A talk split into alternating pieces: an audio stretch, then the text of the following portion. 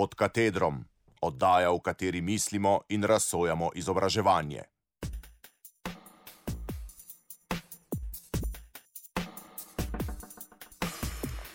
Govoril bom o današnji Evropski univerzi. S čim imamo pravzaprav opravka, ko govorimo o današnji Evropski univerzi?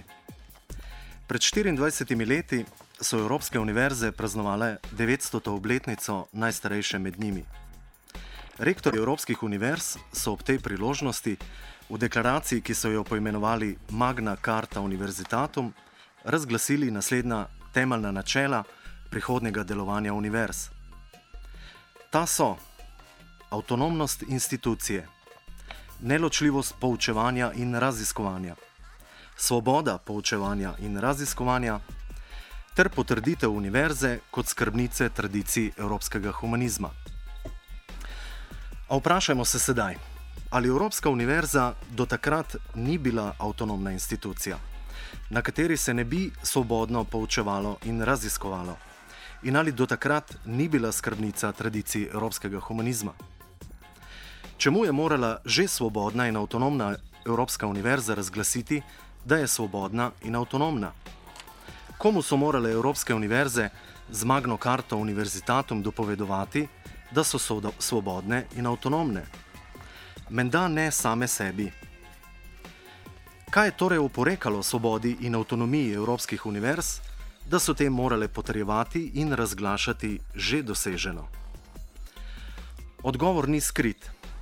Del odgovora se nahaja v preambuli te iste Magne Carte Univerzitatum, v kateri rektori Evropskih univerz menijo, citiram, da univerze v današnjem svetu služijo celotni družbi, ter da študij mora slediti zahtevam in potrebam družbe.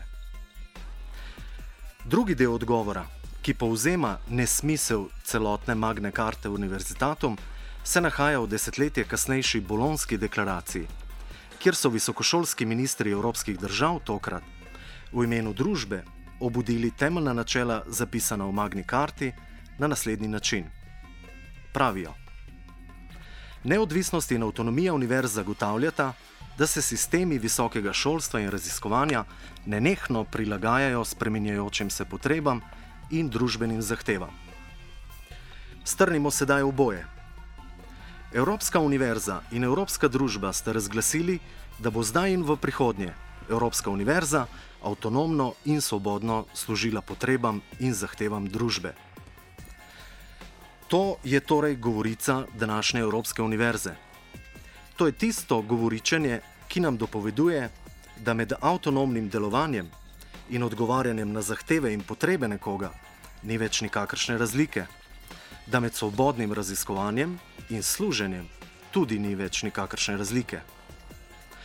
Posem jasno je torej, da so minili časi, ko smo še lahko govorili, da je univerza kot avtonomna institucija zavezana smotrom njenih lastnih dejavnosti, to je izobraževanju in raziskovanju.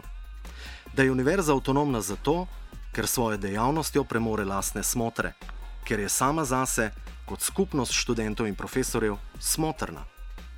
Smotr avtonomne univerze je bil nekoč dosežen z izobraženim študentom in študentko. Prav tako je smotr avtonomne univerze bil nekoč dosežen, kolikor je bilo raziskovalkam in raziskovalcem na univerzi omogočeno svobodno raziskovanje in svobodno spoznavanje sveta. Toda, evropski družbi, ki se je namenila postati Evropa znanja, to ne zadošča več. Od univerze zahteva, da ta neposredno služi njenim potrebam in zahtevam. Pri tem nas ima, da bi radovedno vprašali, kaj je tisto, kar družba zahteva od univerze, in morda še bolj pomembno, komu pravzaprav služi univerza, ko služi družbi.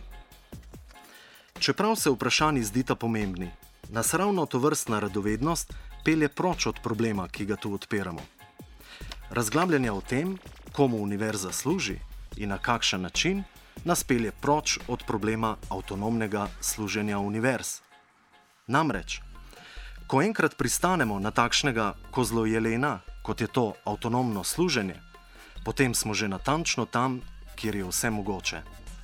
Tam, to je nikjer, je popolnoma vse eno. Vse eno je komu, kje, kako in zakaj. Vseeno je, ali si študent ali si kozlojelen. Magna Carta Universitatum je torej na nek način univerzitetna Magna Carta Libertatum, s katero se je Evropska univerza osvobodila lastnega smotra oziroma lastnega smisla. Šele osvobojena smisla in kakršne koli smiselnosti lahko Evropska univerza služi družbi in postane to, kar od nje zahteva današnja Evropa znanja.